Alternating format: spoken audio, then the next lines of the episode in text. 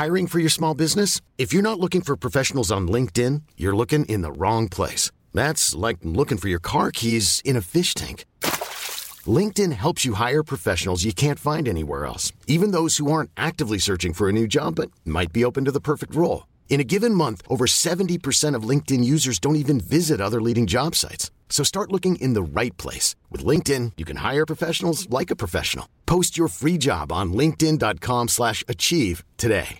This is Paige, the co-host of Giggly Squad, and I want to tell you about a company that I've been loving, Olive and June. Olive and June gives you everything that you need for a salon quality manicure in one box. And if you break it down, it really comes out to $2 a manicure, which is absolutely insane. It's also so easy to get salon worthy nails at home with Olive and June. The difference between how your nails used to look when you did them yourself and now with the Manny system is a complete game changer. The best thing about Olive and June too is it's a quick dry, dries in about one minute, lasts for five days, and full coverage in up to one to two coats. Visit oliveandjune.com slash perfect Manny 20 for 20% off your first system. That's oliveandjune.com slash perfect Manny 20 for 20% off your first system.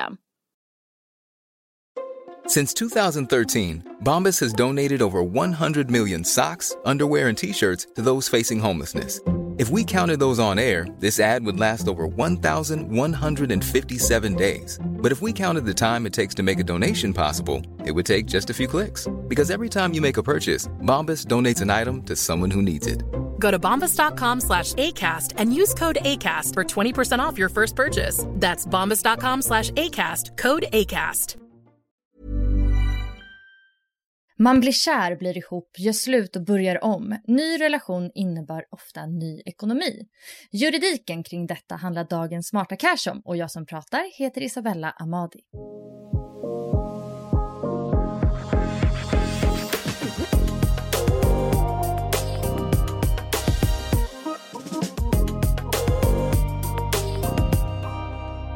Det kan bli en hel del pappersexercis kring relationer. Vad är det egentligen som gäller när man blir sambo eller när man separerar? Det vet dagens eminenta gäst som är jurist på sin egen firma, Sanas juristfirma. Välkommen till dig Sanna Starlani. Tack så jättemycket och tack för att jag får vara med och bli efterfrågad. är alltid roligt. Mm. Det här ska ju bli ett så himla spännande ämne tycker jag, för man har ju man har ju sin egen relation till eh, det här med alltså, tvåsamhet och bli ihop och ibland så är det inga konstigheter men, men ibland så blir det pengabråk i relationen eller efter relationen. Men eh, du driver ju i alla fall ditt eget då. Kan inte du berätta lite om dig och ditt jobb? Jo men absolut, eh, det skulle jag kunna göra väldigt mycket längre än kanske det här poddavsnittet. Men det är ju bara därför att jag är så passionerad kring det jag gör.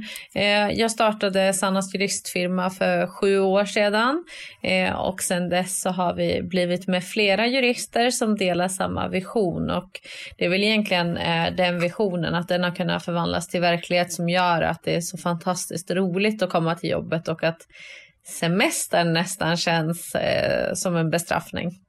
Eh, att kunna, att kunna liksom dela med sig av juridik och faktiskt ge vägledning till människor som kommer hit oavsett om det är företagare eller privatpersoner så är det ju människor. Eh, och att kunna göra det på ett enkelt och förhoppningsvis pedagogiskt sätt som jag hoppas även kunna göra idag är för mig A och O. Hela tanken med till varför vi startade är ju är ju just det, att kunna kombinera juridik med omtanke. Det är så fint, för det är som du säger, det är ju verkligen människor bakom varje fall. Och i det här fallet så ska vi prata kanske främst då nu om skilsmässa, men lite senare så tänkte jag att vi också tar upp det här vad, vad man kan göra när man blir ihop med någon. Men vi börjar i icke-kronologisk ordning och börjar med att göra slut helt enkelt. Ja. Du ser väl en del skilsmässor och möter en del par som separerar i ditt jobb. Alltså, eh, vad för typer av tvister ser du? Alltså det är, det är ju så att, att eh, har man levt med någon under en, en period i livet så har man ju stött på lite olika typer av eh, frågeställningar och det kan vara allt ifrån ska vi ha gemensam ekonomi? Eh, hur mycket hade du när vi kom in i den här relationen? Hur mycket hade jag? vad händer om någon av oss går bort? Vad händer med våra gemensamma barn? Är det, ärver du mig eller blir du bostadslös eftersom vi har köpt det tillsammans? Eh, så det är många frågeställningar men det är oftast väldigt stora hjärtefrågor för att antingen handlar det om det viktigaste man har i livet, ens barn, eller så handlar det faktiskt om ekonomi som påverkar hela ens livssituation. Så att eh, det är frågor som rör trygghet och stabilitet helt enkelt. Mm. Hur vanligt är det att man eh, bråkar om pengar? Eh, jag skulle väl säga att eh, i de flesta fall så är det ju så att man inte kanske kan kommunicera på ett bättre sätt än vad man hade gjort om känslorna inte var involverade. Eh, så känslor ihop med frågor om ekonomi gör att det blir krångligare och därmed också att det blir bråkigare. Mm. Alltså, vad är det som gör att man hamnar i sån osämja? Man har ju ändå kanske älskat varandra, förhoppningsvis. Ja, alltså anledningarna till varför man separerar kan ju vara tusen olika typer av anledningar. Men aldrig är, aldrig ska jag inte säga, det ska inte jurister säga överlag, men nästan aldrig handlar det om att man är eniga i en separation överlag. Det kan handla om att det är en som vill lämna och den andra inte vill det. Det kan handla om att man har Eh, blivit bedragen eller att, man, eh, att drömmar krossas. Och den känslan av, eh, av att man inte är lycklig gör att man inte kan se saker objektivt utan att man istället då går in i det emotionella. Eh, och eh, du som har den här podden vet ju att ekonomi handlar ju väldigt mycket om kronor och ören. Och om man då den vägen kan försöka hävda sin rätt eh, eller, eller emotionellt försöka bestraffa eller eh, ja, få rättvisa av något slag så blir det ett verktyg helt enkelt. Är det ofta att du ser att man liksom söker typ ekonomisk kompensation för typ en otrohet? Alltså om man känner att man har liksom blivit dåligt behandlad på något sätt så tycker man eh, att man ska få något ekonomiskt i utbyte mot liksom den, vad ska man säga, sveda och verken. Eh, det kanske inte alltid är uttryckligen. Eh, men är det så att man, att man känner sig för bakom ljuset av olika slag. Det kan ju, vara, det kan ju handla om att man har blivit det på annat sätt än just otrohet. Men eh, den känslan av att ha blivit lurad skapar ju, skapar ju eh, en bild av att för att det ska bli jämställt igen så borde jag få någonting mer. Eh, men det märker man mer kanske i, i resonerandet och inte mer att det är så uttryckligen ifrån klienterna. Och där får man ju som jurist verkligen ta en aktiv roll i att försöka eh, sålla i det här så att det faktiskt blir det utfallet man hoppas och att det inte blir att man istället bygger upp hatet på varandra. Vi vill ju hjälpa dem vidare tillbaks till lycka. Mm. Och kan tänka mig att det blir ett nystande att se vad handlar det här om egentligen? Ja, verkligen. Och, och där, där handlar det om att man ska lyssna väldigt mycket för att se vad, vad vill den här kunden egentligen? Vad vill den här klienten uppnå? Eh, och se om det är görbart eller om det faktiskt är... Jag fick höra ett jättebra ordspråk en gång. Eh, att hata någon är som att dricka gift själv och hoppas på att den andra ska dö. Och det har någonstans etsat sig fast mm. i min minnesbild. Är att, att, att stå kvar i hatet är aldrig en lyckad lösning. Men juridiken finns ju här som ett fantastiskt ramverk för att det ska bli ett så jämställt utfall som möjligt så att alla kan gå vidare tillbaks till ett stabilt liv. Och där, där, det är ju fantastiskt i Sverige. Mm. Vilka vanliga misstag ser du att människor gör när de ska separera?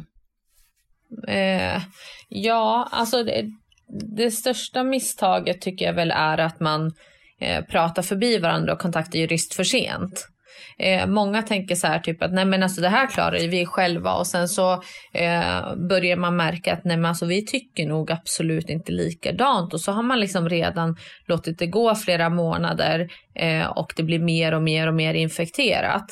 Eh, när man fortfarande är ganska överens och skulle kunna eh, resonera lite grann. Att ta in en jurist då kanske gemensamt eh, som får agera som medlare och som får återberätta eh, vad säger lagen? Hur skulle vi kunna göra? Eh, hur mycket möjlighet finns det att vi två kan komma överens och kompromissa eller måste vi göra som lagen säger? Eh, genom att göra det och agera som en objektiv medlare för kommer två klienter samtidigt så, så får vi en roll där man inte kan vara jävig. Jag får inte ta någon parts parti. Eh, och det är jättehjälpsamt för att då kanske du något som tagit flera månader själva kanske blir klart på bara några dagar. Eh, och då kan man liksom komma ur relationen väldigt, väldigt mycket mildare och på ett bättre sätt. Så då att i ett tidigt skede eh, ta in en jurist det är en förberedelse då kan man säga man kan göra inför en skilsmässa eller separation. Vilka andra sätt kan man eh, preppa inför en split? Eh, är det rent juridiskt du tänker då? Eh, ja. Ja. Eh, det man kan göra det är ju att, att ha med sig det också att eh, man kollar på de ekonomiska förutsättningarna från dagen som man ansöker om skilsmässa. Eh, de flesta i Sverige har ju betänketid för att man har gemensamma barn eh, och det kan även finnas andra skäl. Men det många glömmer är att de tror att det är vad vi har när vi faktiskt flyttar ifrån varandra som ska delas upp.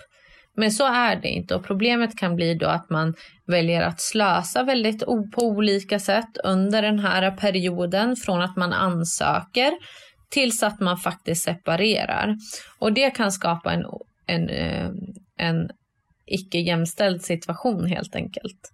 Så det vill jag att folk ska ta med sig, att veta det att ansöker jag idag så är det vad som finns på kontot idag och vad vi har för bilar på uppfarten eller var, vart bor vi någonstans. Så att man inte gör stora förändringar där den ena kanske väljer att eh, sälja av någonting eller sådär för att det, det, kan, det kan skapa lite mer en, en svårare situation sen helt enkelt inför bodelningen.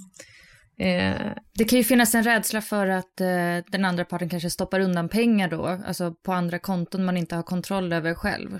Ja, absolut. Men, men genom att veta det här så kan man liksom, den ökade medvetenheten gör ju också att man har den informationen tillgänglig. Vad har vi idag på våra konton? Men i vissa fall, eh, kanske lite ovanligare fall där det har förekommit eh, misshandel i en relation, då tänker jag mig att det kanske kan vara viktigt för den som har varit våldsutsatt att man då vet att, eh, att man stoppar undan lite pengar innan splitten då så att man själv har någonting att klara sig på också. Alltså om man har blivit väldigt, om man blir utsatt för våld av den andra så måste man ju kanske se till att ha lite pengar på sitt konto också. Ja, eh, det, det, är ju inte riktigt att, att eh, undanhålla eller undandra egendom för att eh, förbättra sin situation i en bodelning. Det kan vara så att man blir skyldig att återföra det sen, så det är ingenting som jag rekommenderar. Utan det man ska göra är att i en relation som är destruktiv eh, måste man skapa sig en stabil grund från första början. Eh, eller under en pågående relation att man kanske kan upprätta ett äktenskapsförord eh, för att ha egendom som bara är min. Eh, det är ett betydligt mer effektivt och korrekt sätt att göra det på. Mm. Enskild egendom. Mm. Eh, hur upprättar man det? Eh, ja, antingen så kontaktar man jurister. Eh, sen ja. är det ju så också att eh, det är väldigt eh, lättillgängligt, alltså information på nätet och så. Eh, men är, är det en väldigt viktig fråga för en om man är osäker så är det bättre att kontakta en jurist för det går relativt fort och kostar inte alls så mycket eh, jämfört med vad det kostar om man inte gör det. Och sen ska det registreras hos Skatteverket så att man kontaktar en jurist eller så tar man penna och papper och skriver sina namn och personnummer och vad man önskar ska vara sin enskilda egendom. Så uttryckligen skriver man ner det på papper och sen skickar det till Skatteverkets postadress, vilket man hittar också på Skatteverkets hemsida och betala in en liten ansökningsavgift och sen är det klart. Med bådas underskrift då eller? Givetvis. Mm. Okej, eh, hur går då en bodelning till? Ja, eh, det är ju så pass magiskt att man ändå skulle kunna upprätta en bodelning sinsemellan. Man tar allt man har, man lägger allt på en hög och sen delar man det på mitten. Det är väl det mest idealiska läget man skulle kunna hamna i. Eh, man kan göra en liten eh, förteckning över vad har vi här hemma. Man gör lister på allting och sen kan man sätta upp andrahandsvärdet på allt. Och det kan man göra enklast genom att till exempel gå in på Blocket eller Tradera eller något annat käckt second hand forum för att veta vad skulle det här vara värt om vi sålde det idag. Genom att få en liten prislapp på varje liten grej som vi har så kan vi också göra en liten eh, balansräkning eller se liksom, ja, men hur ser vår balans ut oss emellan. Och den summan längst ner kan då differera beroende på vem som vill ha mest saker av störst värde. Och då kan man då ersätta den som har fått mindre saker med det beloppet som blir differensen mellan eh, summan på min sida och summan på din sida. Det kan man göra om man ska göra en bodelning själv. Sen är det också så att det finns massa variabler som påverkar. Det kan ju vara så att man har gemensamma barn och känna att nej men jag vill att du och barnen ska bo kvar här så du får behålla vårt hus och jag väljer att ta någonting annat. Så det behöver inte vara ett nollsummespel för känslor spelar in. Men det vackra är att man kan få bestämma själva Mm. Just det, man måste inte vara den här petimeterrättvisan där jag ska, när vi skär liksom soffan i två delar och tar, utan kanske blir ett lite givande och tagande som är, ja, fluffigare. Absolut, absolut. Och, och, då är vi jätteglada. Skulle det vara så, samma sak där, så kan man ta hjälp av en jurist som medlar om man känner att jo, men vi har en en tråkig separation men vi kan hantera det och vi behöver någon som hjälper oss på vägen bara. Då kan det bli ganska enkelt. Tyvärr är det inte alltid så enkelt.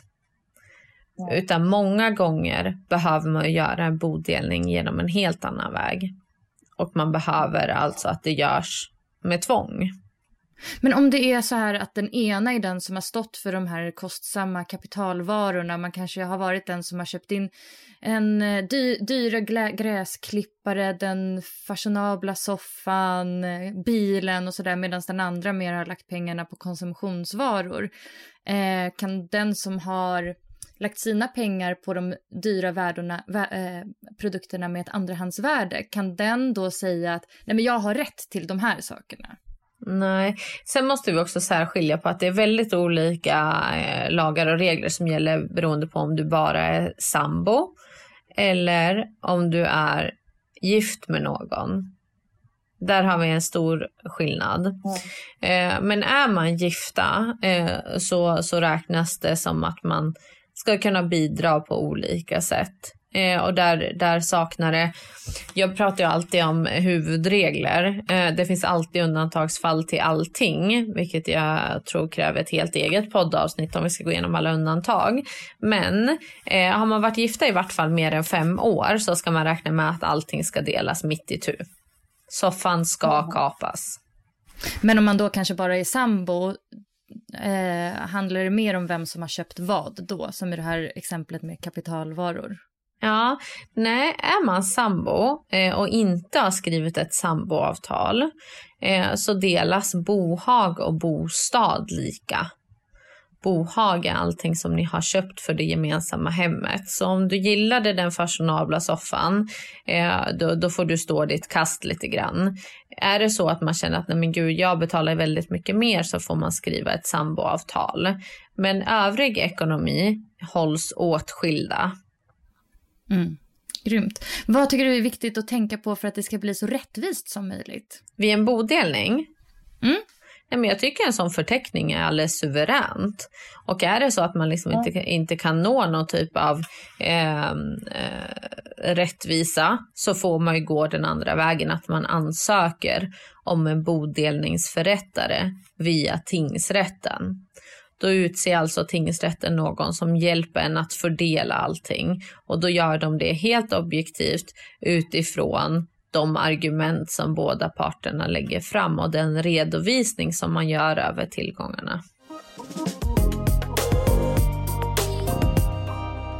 Eh, jag tänkte, jag har tagit fram tre stycken situationer som jag tänkte att du kan hjälpa mig att lösa här. Hoppas vi. Eh, det, är tre, ja, det är tre olika scenarion.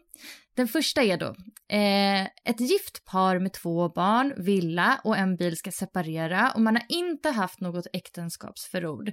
Den ena parten hade en halv miljon redan i eget sparande när man blev ihop och gifte sig och den andra hade inget. Hur blir skilsmässan? Eh, ja, så här är det. Om man inte har skrivit ett äktenskapsförord som vi pratade om tidigare här i avsnittet eh, så är det faktiskt så att allting delas lika ändå. Så de här 500 000 som du hade sedan innan kommer splittas 50-50. Mm. Vem får barnen? Blir det automatiskt liksom gemensam vårdnad? Ja, absolut. Det är ju så att är man gifta och har gemensamma barn och har gemensam vårdnad så förändras inte det. Eh, man måste aktivt ansöka om att upplösa en gemensam vårdnad för att den ska bli enskild då. Eh, så att det, det, det, kan man göra då via tingsrätten. Så jag hoppas verkligen att barnen får behålla både mamma och pappa. Mm. Eh, och eh, om man inte kan komma överens om vem som ska bo kvar i villan, vad händer med bostaden då? Är det så att man har den ekonomiska eh, styrkan och möjligheten till exempel att man har kollat upp så att kan jag stå ensam på lånen och så, där får man ju kontakta sin bank. Eh, klarar man av det så kan man ju faktiskt eh, säga att man har bäst rätt till det här till den här villan. Och bäst rätt prövas återigen då inom bodelningen. Man kan även ansöka om kvarsittningsrätt och det är en tillfällig bedömning om vem som har bäst rätt. Eh, men då är det oftast, eh, man kollar jättemycket till hänsyn till vart barnen ska bo. Eh, och om barnen ska bo övervägande hos en av föräldrarna och det är den föräldern som söker så skulle jag säga att man har goda chanser att få vara den som tar över bostaden. Snyggt. Då var den skils skilsmässan klar. Ja, det är till nästa situation. Ja, det, det, var, det var ett enkelt bohag att dela upp. Men okej, eh, scen två. Det är ett sambopar som ska separera. Eh, hur ser uppdelningen av den bostadsrätten som de bor i ut då? Och deras gemensamma tillgångar? Ja, och det var vi inne lite grann på hur det funkar med sambolagen. Där är det så att, att gemensamt inköpt bostad och gemensamt inköpt bohag, alltså sånt möbler, tavlor, liksom allting som finns i lägenheten, eh, men även själva bostadsrätten då, den splittas då mitt i tu.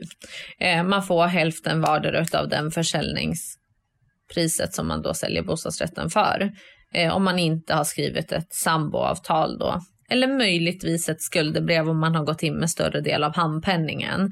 Eh, och här skulle jag verkligen vilja flagga om ni är eh, om ni inte har varit sambo tidigare och ska bli sambo, eh, den, den kärleken man känner och det fnittret man känner av att man ska få gå på Ikea ihop och Eh, fixa och göra i ordning och sånt där. Det får inte heller förblinda en. För är det så att man har fått kanske en större belopp ifrån sina föräldrar eller man har jobbat väldigt mycket innan och kanske betalar hela handpenningen så ska man inte tänka att bara för att jag betalar den så kommer jag få det sen.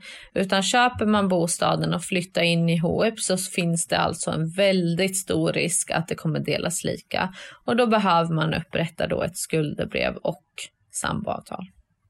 Bra tips. Eh, det tredje scenariot jag har här är väl en lite körigare situation då.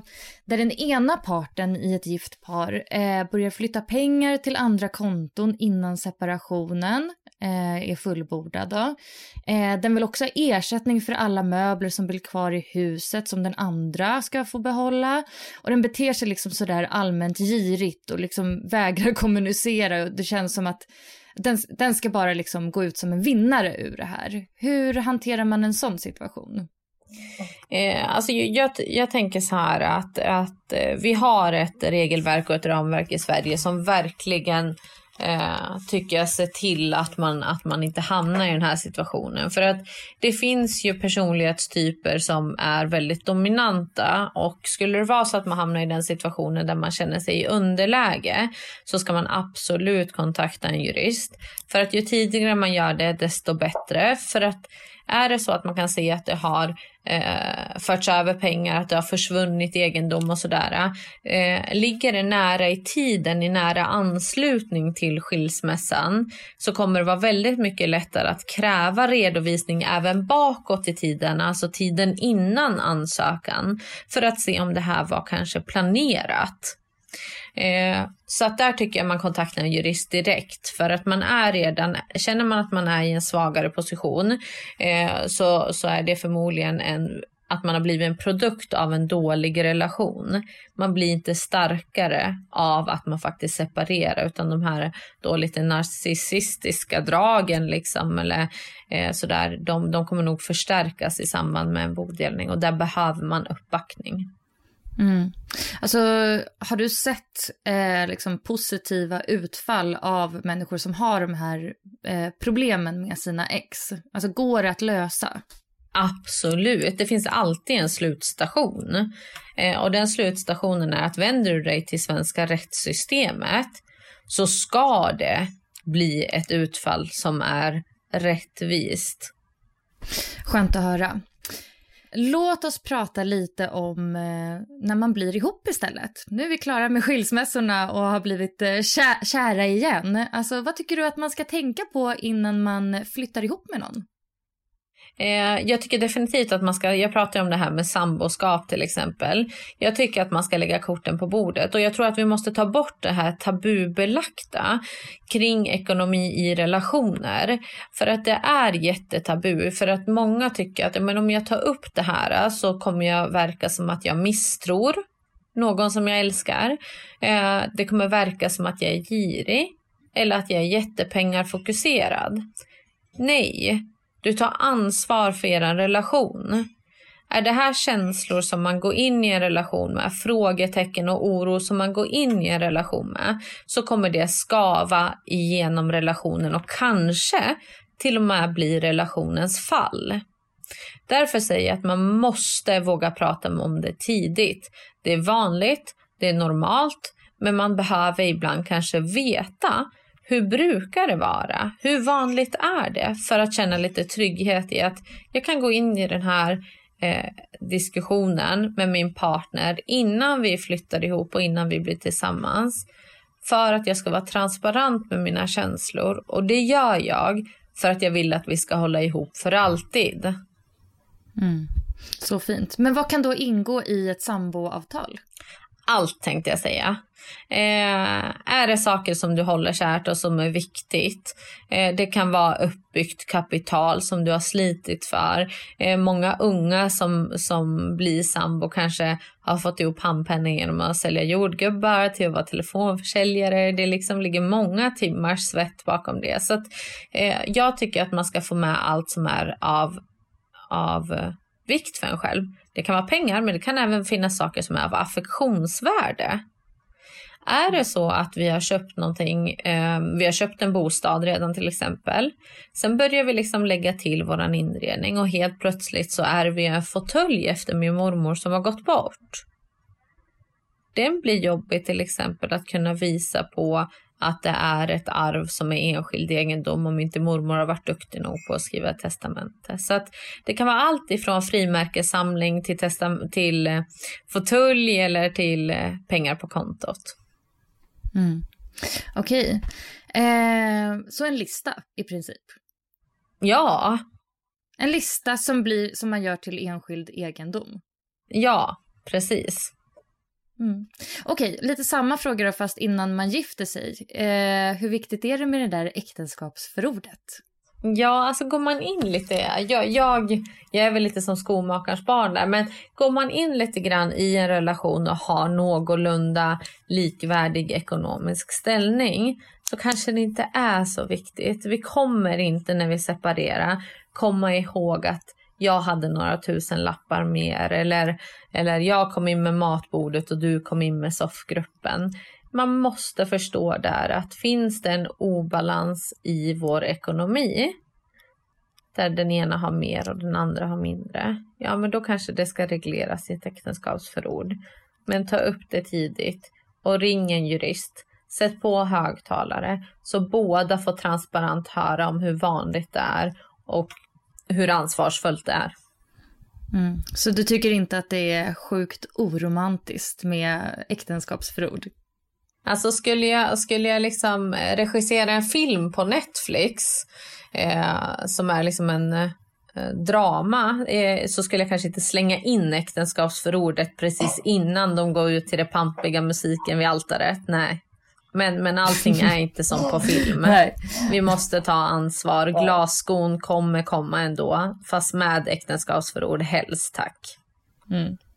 Snyggt. Eh, jag tänkte avsluta med att fråga om dina topptips för en positiv separation. Eh, kommunicera tidigt med hjälp av någon. En parcoach, en eh, jurist. Eh, definitivt tidigt. Väldigt tidigt. Är det så att ni till och med funderar på att separera så träffas innan ni gör det. Det är jätte, jättehälsosamt att bara få reda på spelreglerna. Man kan inte vinna en match om vi inte båda vet vart målet står. Vad fint. Då med de orden så avslutar vi ju dagens Smarta Cash och tackar dig så mycket Sannas för att du delar med dig av din eh, expertis. Jätteroligt att vara med, verkligen. Om vi kan delge kunskap till några i alla fall som lyssnar på avsnittet så är vi superglada för det. Mm. Och var hittar man mer om eh, dig och din firma? Ja, antingen så googlar man, jag älskar Google, eh, och söker på Sannas juristfirma. Och eh, vi sitter på kontor i Göteborg men tar emot klienter i hela Sverige. Och skulle det vara någon lyssnare som har någon fråga så är ni jättevälkomna att ringa oss på 031 19 15 15 så ska vi absolut kunna bjuda på en kostnadsfri rådgivning.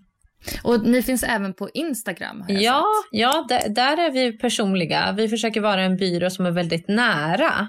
Eh, så gå in på Instagram så kan man få en väldigt god känsla hoppas jag om att vi faktiskt är människor bakom kavajen. Härligt. Stort tack till dig som har lyssnat på det här avsnittet också. Jag finns på smartacashpodcast.gmail.com eller på Insta smartacashpodcast. Tack, hej då! Tack, tack!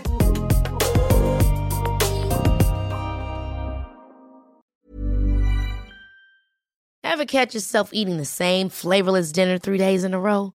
Dreaming of something better? Well, HelloFresh is your guilt-free dream come true, baby. It's me, Gigi Palmer.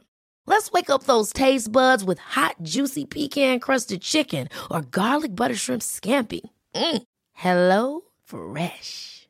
Stop dreaming of all the delicious possibilities and dig in at HelloFresh.com.